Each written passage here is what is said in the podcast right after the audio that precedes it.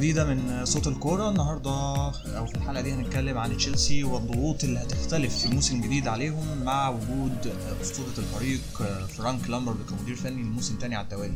بيشاركني في الحلقة دي ياسر شنشن. أهلا بيك يا ياسر. أهلا بك علي. آه هنتكلم وهنقول إن كان في موسم أول لأسطورة تشيلسي كمدير فني للفريق بدون تدعيمات حقيقية في أي مركز باستثناء كريستيان بوليسيتش اللي كان تم الاتفاق مع بوروسيا دورتموند عليه قبل تعيين فرانك لامبرد بكذا شهر. وكمان بعد رحيل نجم الفريق الأبرز وقتها كان إيدن هازارد اللي رحل لصفوف ريال مدريد الضغط على سوبر فرانكي وقتها بقى صعب جدا وبالأخص مع الحرمان من سوق الانتقالات لامبرد كان مطالب إنه بالإمكانيات المتاحة وفي ظل حرمان الفريق من سوق الانتقالات إنه يحافظ على وضعية الفريق كمنافس في ال top four وإنه يكون في منافسة على ال top في كل البطولات. آه كمان كان مطالب إنه ينافس بشكل مقبول ويعدي مرحلة المجموعات من دوري أبطال أوروبا بنفس مجموعة اللاعبين اللي غالبيتها كانت لعيبة قليله الخبره بالأخص زي ما قلنا بعد رحيل هازارد بالإضافة لضغط أساسي إنه مطلوب منه يثبت إنه مدير فني كفء وإنه عنده الإضافة فعلا اللي يقدر يقدمها وبوادر لمشروع فريق طويل المدى وملامح كرة قدم كويسة فعلا تقدر تدي الثقة للإدارة والجماهير إن لامبرد قادر على إدارة المرحلة المقبلة. كل التحديات اللي فاتت نقدر نقول إن نجح فرانكي فيها بشكل كبير جدا تغلب على فكرة الحرمان من الانتقالات بإنه منح ثقة للاعبين الصغيرين اللي كانوا راجعين معاه من إعارات اتسهلت كمان عليه مهمة نسبيا بإن لاعب زي مايسون ماونت كان معاه خلال الموسم اللي درب فيه ديربي كاونتي قبل تشيلسي كان معاه ماونت على سبيل الإعارة هناك في التشامبيونشيب فكان عارف إمكانياته بشكل كبير وتقدم بشكل كويس جدا للجمهور خلال أول موسم للاعب في منافسة كبيرة بحجم الدوري الإنجليزي الممتاز. ماونت كان الموهبة الأبرز من وجهة نظري ومن وجهة نظر الكثيرين من ضمن مجموعة شباب اداهم لامبرد فرصة في الفريق زي المدافع فيكايو توموري والظهير الأيمن ريس جيمس والمهاجم تامي أبراهام اللي بدأ الموسم يمكن بشكل كويس لكن ما كانش فيه استمرارية في أدائه وفي الحسم التهديفي. قدر كمان يستفيد من ماونت كصانع لعب صريح بشكل أساسي كان ساعات بيلعبه كمان نص ملعب أحيانا كان بيلعب على الطرفين أو على الجناحين في النهاية وفي كل المراكز دي وبالأخص كصانع لعب ساهم بتسجيل 8 أهداف وصنع ست أهداف أخرى لتشيلسي على مدار الموسم. الاستفادة كانت كبيرة برضو من كريستيان بوليسيتش قدر يدمجه تدريجيا مع الفريق كصفقة وحيدة أجراها تشيلسي مع لامبرد. بقى مع نهاية الموسم بوليسيتش يمكن نعتبره إن هو كان من أهم لعيبة التركيبه التركيبة الهجومية المتواجدة مع تشيلسي ومعظم الماتشات كان بيلعب جناح أيسر في الأساس وقليلا كجناح أيمن بشكل عام قدر يسجل 11 هدف وصنع 10 أهداف أخرى في 34 مشاركة بكل المسابقات اللي شارك فيها تشيلسي الموسم الماضي وهي أرقام أعتقد إنها مميزة جدا بالنسبة لعمر اللاعب وكموسم أول في إنجلترا كمان قادما من ألمانيا. نجح لامبرد في تقديم نسخة فريق كرة قدم أعتقد إنها كانت مرضية جدا جدا لكل جماهير الفريق والمتابعين بشكل عام. ولكن ما زال هناك تحفظات كبيرة نقدر نقول جدا جدا جدا على الحالة الدفاعية للفريق. وعلى مستوى حراسه المرمى كمان والتشكيك في قدرات كيبا. أصبح مؤكد إن المواقع دي محتاجة تدعيمات قوية لو فعلا هدف الفريق إنه يوصل لدرجة أعلى من المنافسة كما اعتدنا من تشيلسي على مدار آخر 20 سنة. بنهاية الموسم الفريق أنهى المركز في المر... آه عفوا أنهى الدوري في المركز الرابع ونجح في التأهل لدوري أبطال أوروبا. خرج من دور ال 16 في المسابقة الأوروبية على يد بايرن ميونخ اللي هو في النهاية توج عن استحقاق ببطولة دوري أبطال أوروبا عن مجمل المباريات وكمان بلغ نهائي كأس الاتحاد الإنجليزي بأداء طيب وكان ممكن يطلع متوج بيها كمان ولكن أرسنال تفوق في المباراة النهائية وبشكل عام نقدر نقول إن أول مواسم لامبرد مع تشيلسي كانت مرضية. ولكن النجاح اللي ممكن نتكلم عليه في كل الكلام السابق أصبح عامل ضغط كبير جدا على لامبرد في مشروعه لأنه مش بس مطالب بالاستمرارية على نفس المستوى لا ده كمان بقى مطلوب منه يناطح ليفربول ومانشستر سيتي بشكل مباشر على لقب الدوري. حتى لو ما توجش ولكن على الأقل يبقى قريب من ال level ده. المطالبات دي كمان بتزيد مع سوق انتقالات ضخم جدا عمله تشيلسي وما عملش زيه من سنين. وده رغم الأزمات المادية الناتجة عن التوقف نتيجة تفشي فيروس كورونا. إضافات هجومية اتحققت للفريق بوجود تيمو فيرنر قادما من لايبزيج اللي ممكن يلعب كراس حربة ممكن يلعب كجناح أيسر. كمان عندنا حكيم زياش اللي قدم مستويات كبيرة خلال السنوات الماضية مع أياكس أمستردام. كجناح أيمن وكمان نقدر نقول إن هو proven في دوري أبطال أوروبا وقدم مستويات كويسة في البطولة الأوروبية. مش بنتكلم بس عن المسابقة المحلية في هولندا. وآخر صفقة كانت كاي هافرتز صانع اللعب الألماني واللي ممكن برضه بيلعب مهاجم وهمي زي ما تابعنا بعض المباريات ليه مع باير ليفركوزن.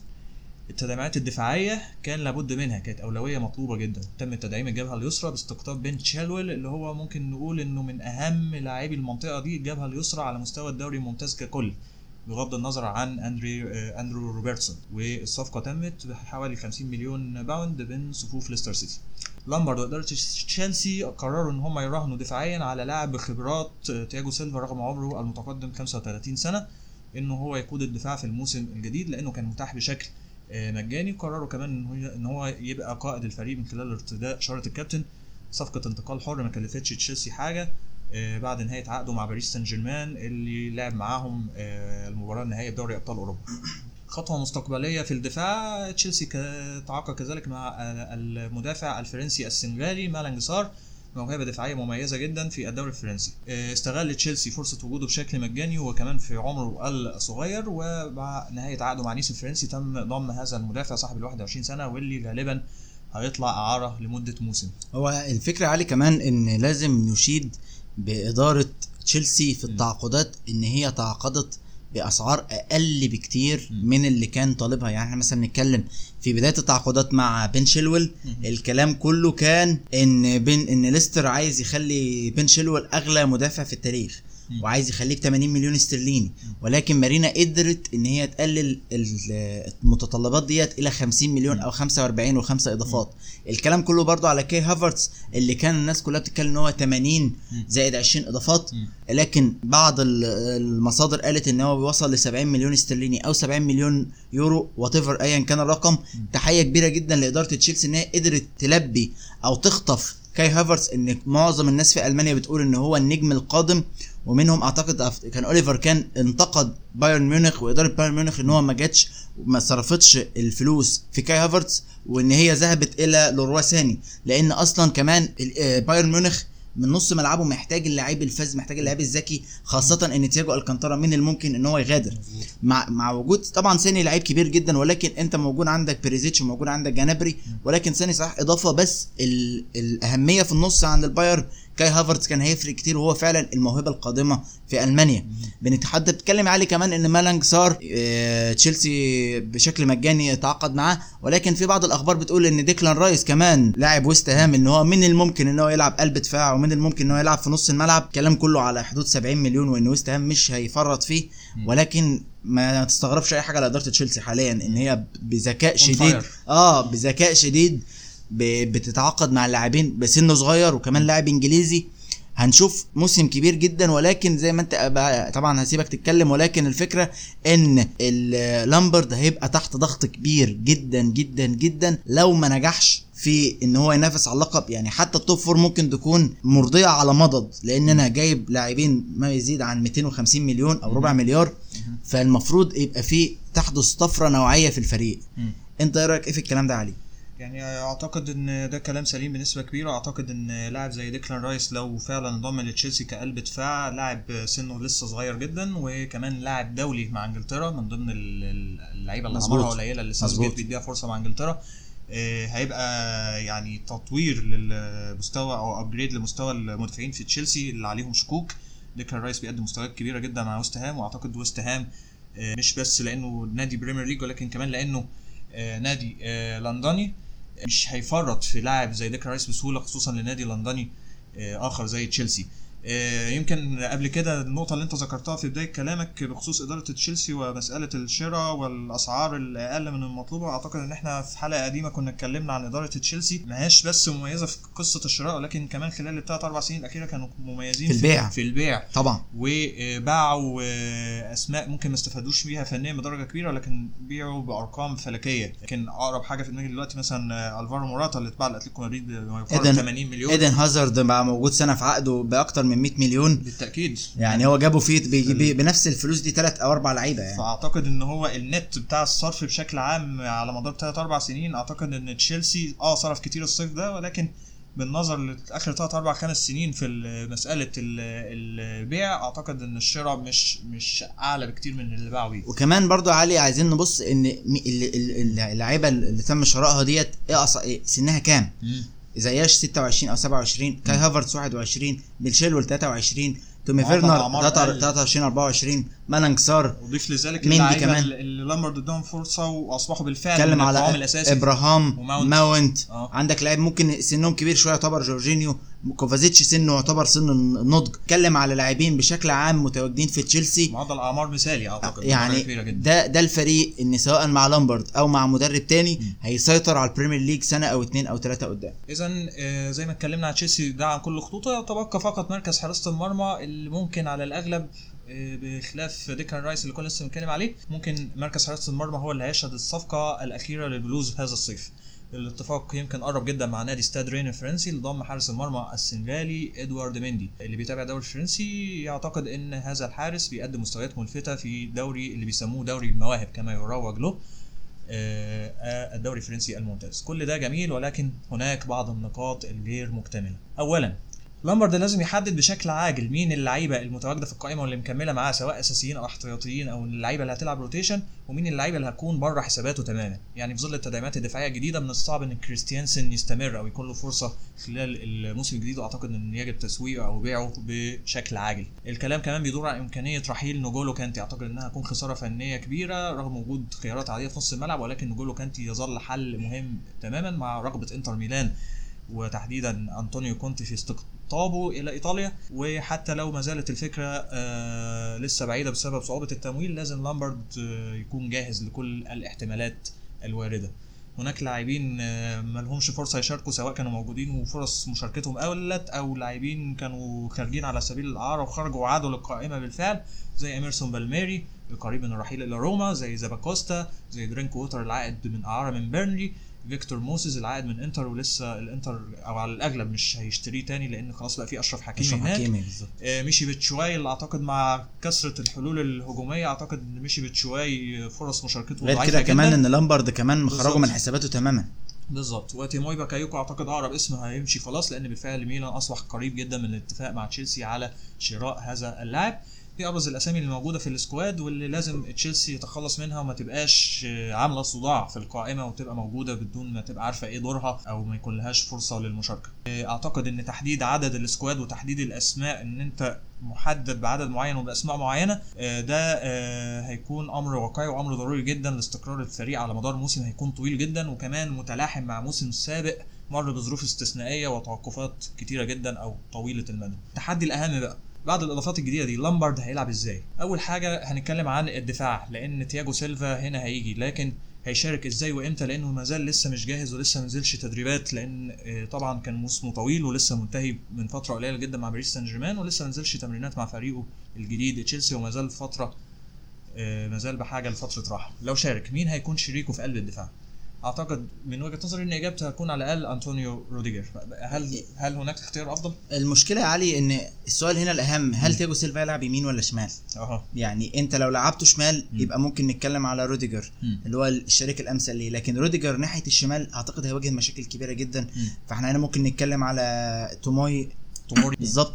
فأنت هنا هيبقى عندك مشكلة إن تياجو سيلفا يلعب يمين ولا شمال دي مهمة كبيرة جدا عند آه، لامبرد وكمان السؤال الاهم. هل لامبرد هيلعب أربعة ولا هيلعب بثلاثه.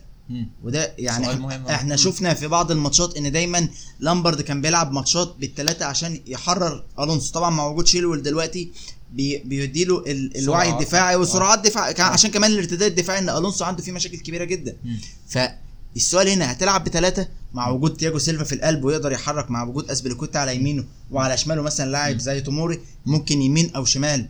لعيبة مختلفة عشان يدي أكتر عدد ممكن من اللعيبة هجوميا. ويضغطوا دفاعيا بشكل أمثل. فهو ده الاختيار المشكلة دفاعيا هنا مع وجود الثلاثه هل أنت هتلعب تياجو سيلفا في القلب هل مع هل إصابات برضه ما تنساش ان تياجو سيلفا لعيب. مش قليل الإصابات. فأنت هتجيب لعيب لمدة سنتين. هل هو هيكمل ولا مش هيكمل.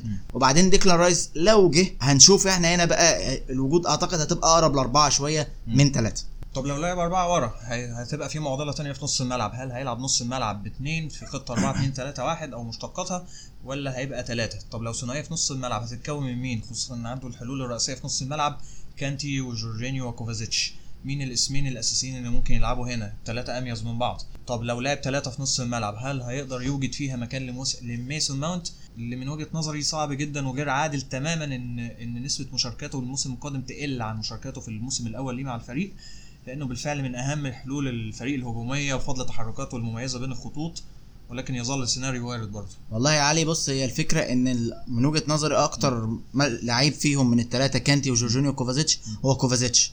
كوفازيتش لعيب مهم جدا للامبرد وأعتقد كان كان لعيب الموسم السنة دي في تشيلسي. فثنائيه بقى كانتي أو جورجينيو كانتي من الصعب إن هو يلعب قدام الدفاع. لازم يعني كانتي لازم يكون يكون مميز أما يلعب جنبه اتنين. مم. double pivot شفنا في فرنسا مع كان بيلعب مع بوجبا وهو شفنا أيام أنطونيو كونتي ماتيتش وهو. فدايما هو بيكون مميز إن هو يكون box box يتحرك في كل حتة في الملعب. ف إيه، مع لو هيلعب هتشوف برضه هل هيلعب اتنين ولا هيلعب ثلاثة. مع وجود كاي هافرتس. هل هيلعب كاي هافرتس 8 أو 10 يبقى يبدل مع تيمو فيرنر نص الملعب فعلا محتاج شغل كبير جدا منه ولكن أنا من وجهة نظري إن ميسون ماونت زي ما أنت بتقول. هيديله الوعي الخططي إن هو بيضغط إزاي ذكي جدا بيعرف يضغط إزاي كبير. وفي نفس الوقت أما الكرة تبقى معاه يعرف يعمل transition إزاي مم. دي نقطة ممكن تكون غايبة عن نجولو كانتي شوية مم. نجولو كانتي لعيب طبعا معروف ال work rate. بتاعه كبير جدا ولكن الكرة في رجله بيفكر ثانيتين عنده هو هنا دي بطء ولكن في التفكير مش بطء في التحرك فدي مشكلة مع جورجينيو مع طبعا ساري مش موجود. يوفنتوس مش هيشتريه. دور دور جورجينيو يعني جورجينيو كان مثلا في نص الموسم بادئ بيه بشكل كامل. وكان هو لعيب أساسي بعد كده شفنا إن هو جورجينيو خارج حسابات لامبرد. ودي مشكلة كمان على فكرة مع مع لامبرد هنتكلم فيها مع مع آه، اوليفيه جيرو السنة اللي فاتت هي نقطة جاية كمان آه شوية. بالظبط. يعني هو كان لعيب مميز جدا. بع- بعد ما استعان بإبراهام دايما كان سيء. بدأ بداية ممتازة. مم. رجع مستوى أقل. كان المفروض جيرو يخش في اللحظة دي على طول. ولازم كمان كان جيرو ياخد ماتشات ك... كاحتياطي. هو كان مستبعده بشكل تام لأسباب غير مفهومة. لامبرد لازم يكون عنده احتواء للعيبة أكتر ال squad معاه عنده squad كبير وهيسائل السنة الجاية بشكل كبير جدا يعني. لأن الموسم كمان طويل فلازم كل لعيب يكون له دور مضغوط كمان. انت مضغوط كمان. وأعتقد إن لامبرد من نوع المدربين اللي بيتعلم اللي أعتقد إن هو مش مش عن ما عندوش جمود بدرجة كبيرة فقدر في نهاية الموسم يقتنع إن جيرو ممكن يفيده زي ما هنتكلم كمان شوية. لكن ال- النقطة الأهم دلوقتي والسؤال الأهم في ظل الصفقات الجديدة إزاي لامبرد هيقدر يستفيد من لاعب زي كاي هافرتس؟ هل هيوجد له توظيف كصانع لعب اللي هو المركز اللي كان بيشارك فيه أكتر؟ طب لو شارك في المركز ده هل هيفقد خدمات لاعب موهوب زي ماونت؟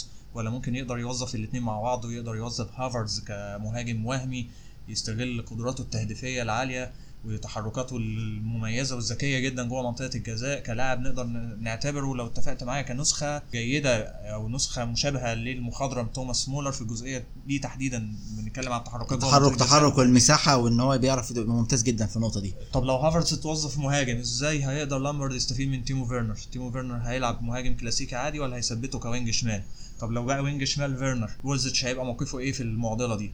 هل هيلعب فيرنر زي ما قلنا راس حربة بشكل تقليدي ولا هنخسر واحد من ماونت أو هافرتز لعبة دومينو معقدة جدا في تشكيلة تشيلسي وتساؤل مع أعتقد إن هو في راس لامبرد شخصيا أنا عايز أقول لك حاجة علي برضو. يعني بعض التقارير كانت قالت في Athletic إن إدارة تشيلسي بشكل عام شافت كاي هافرتز فرصة إن هو لازم يجي. بغض النظر إن هم ما كانوش شايفينه أولوية كبيرة. ولكن كاي هافرتز كانوا شايفينه إن هو فرصة في السوق لعيب قادم بقوة هيبقى من اللاعبين الأفضل في العالم اهو مشكلة كاي هافرتز فعلا زي ما الناس كلها بتقول إن هو فعلا هيبقى يعمل overload في, في نص مم. الملعب. مم. هل أنت هتلعبه striker زي ما أنت بتتكلم؟ هل هيلعب تسعة ونص. مع وجود أصلا لاعب فيرنر؟ اللي هو فيرنر أصلا لاعب تسعة ونص ومحتاج striker جنبه يفضله المساحات. هل أنت هتعتمد على إبراهام. وفيرنر؟ أو هل أنت هتعتمد على كاي هافرتز وفيرنر؟ دي مشكلة. هل أنت هتلعب ب 4 4 2 أو 4 3 2 4 2 3 1 أو 4 3 3 مم. ده سؤال مهم زي ما انت بتتكلم يا علي. إيه، صعب وفعلا صداع لأن انت فعلا وكمان التوليفة المناسبة. وإزاي هو هيعرف في الماتشات يغير يغير الخطة. ويكون في نفس الوقت اللاعبين بيعملوا وظائف تانية. مع ضغط موسم مع لاعبين لسه جايين بقالهم يومين مع دوري هيبدأ الأسبوع الجاي. فعلا فعلا ربنا يكون في عون لامبرد. ولازم تحت ضغط كبير آه جدا. تحت ضغط كبير جدا. يمكن الجبهة اليمين محسومة لحكيم زياش بنسبة كبيرة لو هو سليم وجاهز للمشاركة.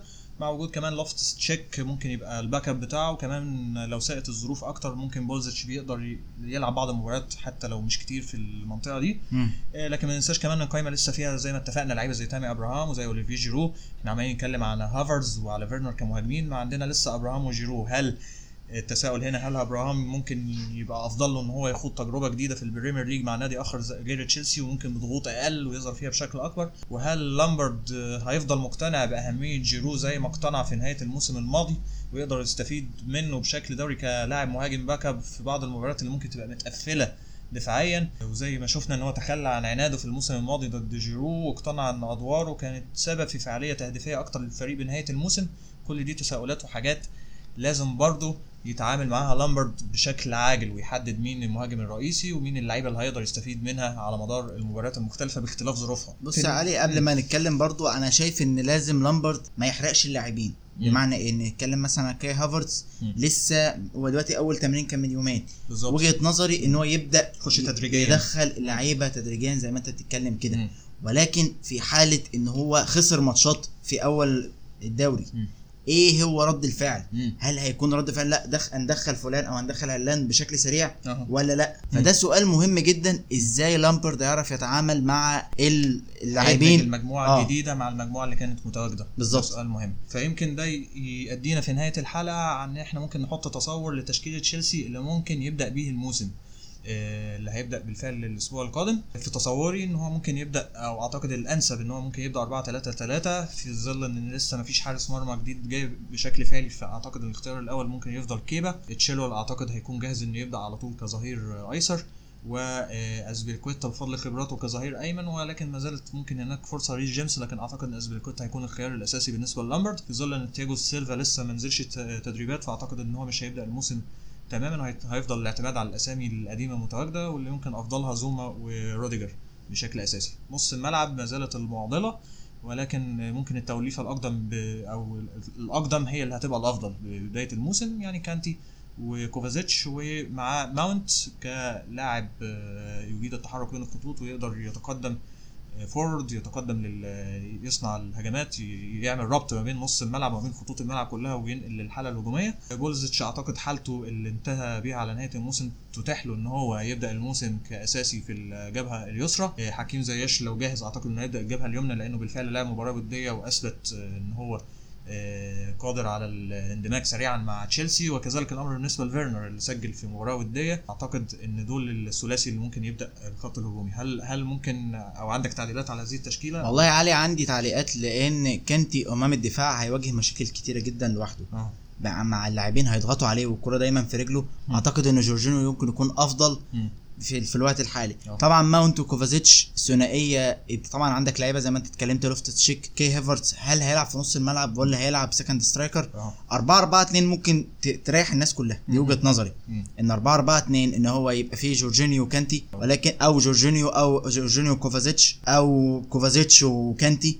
تمام الثنائية دي هتكون بشكل عام من وجهة نظري أفضل كبداية موسم كب... ممكن تكمل بعد كده آه. كمان ممكن تكمل بعد كده مع وجود زياش على ناحية اليمين وكاي هافرز ناحية الشمال مم. تمام مم. ومع وجود تيمو فيرنر وأنا من وجهة نظري تيمو فيرنر محتاج معاه مهاجم لو الناس تفتكر لايبزيتش ما كان بيلعب مم. تيمو فيرنر بيبقى جناح شمال مم. وبيجي بسرعته وده ميزته وحتى مباريات ألمانيا في دوري الأمم الأوروبية مؤخرا فيرنر بيلعب كجناح شمال جناح شمال مع وجود. striker. هي دي الفكرة اللي أنا آه. بتكلم عليها. إن أنت الدوري الإنجليزي دايما معتمد على ال long ball يعني أنت آه. لو اتفرجت مثلا على تشيلسي دايما إرسال الكور لجيرو لتسهيل التنقل من الحالة الدفاعية للحالة الهجومية وحتى لو تشيلسي أو لامبرد بيحاول يعني يلعبوا كورة مختلفة عن ده أحيانا في الآخر بيلجأوا بيضطر بيضطر. بيضطر آه. فوجود جيرو من وجهة نظري مهم لأنه جيرو بيحرك اللعيبه اللي حواليه. وبيدي لهم دايما بيسقط لهم يدي لهم مساحة لل- لل- للاستلام والتسلم م. أنا معاك إن إبراهام وجهة نظري برضو إن هو كنت أنت قلت اتكلمت معاه قبل كده إن أستون فيلا عايز يجيب أنا شايف إن دي تجربة جيدة للاثنين أو للثلاثه آه. لتشيلسي وإبراهام وأستون فيلا إن هو ممكن ي... ي- فريق تاني يشتريه بسعر بسعر اتألق تاني معاهم بالفعل قبل كده مش هيبقى مكان غريب عليه. في نفس الوقت نادي Premier League مش Championship زي ما لعب معاهم قبل كده. وبالظبط ممكن تبيعه بسعر بسعر كويس مع. وجود المهاجمين الحاليين في تشيلسي. أمر مربح لكل الأطراف أعتقد. فأعتقد إحنا تشيلسي من الأندية اللي الناس كلها تتفرج وتشوف تجربة لامبرد الثانية. اللي أتمنى أن لا تكون الأخيرة مع تشيلسي لأن الضغوط هتبقى عليه كبيرة جدا. وإن أي خسارة بشكل كبير أو أي خسارة متتالية هتحط ضغوط أكبر على فرانك لامبرد وهيبقى أمر صعب جدا إن يبقى أسطورة من أساطير الفريق يتعرض للإقالة هتبقى أمر مش محدد ولكن إحنا للنادي. شفنا إدارة تشيلسي يا علي مهما كان أنت بالظبط. مين هتقال لا, لا ما ما حتى لو انت حققت سا- ساري كسب بطولة أوروبية بالفعل مع تشيلسي و رافائيل بينيتيز أخد بطولة أوروبية برضه تفضيل مورينيو عليه وبز... مع إن آه. قدم مباريات ممتازة جدا وصعد دوري الأبطال. بعد كده مورينيو جه. لأن أهم شيء أو المحرك الرئيسي لتروس إدارة تشيلسي هي البطولات. اذا آه، بشكر ياسر على هذه المشاركة القيمة في الحلقة الخاصة بالتعليق على موسم تشيلسي الجديد. أعتقد انها مساله أيام وهنشوف لامبرد هيلعب إزاي وإزاي هيتم الاستفادة من صفقات تشيلسي الجديدة. أتمنى ما نكونش طولنا عليكم. تقدروا تسمعوا هذه الحلقة على المنصات المختلفة لصوت الكورة سواء على SoundCloud على اليوتيوب على جوجل بودكاست على أنغامي بالأخص. شكر لكم حسن استماعكم ونلتقي إن شاء الله في حلقات أخرى قريبا بإذن الله.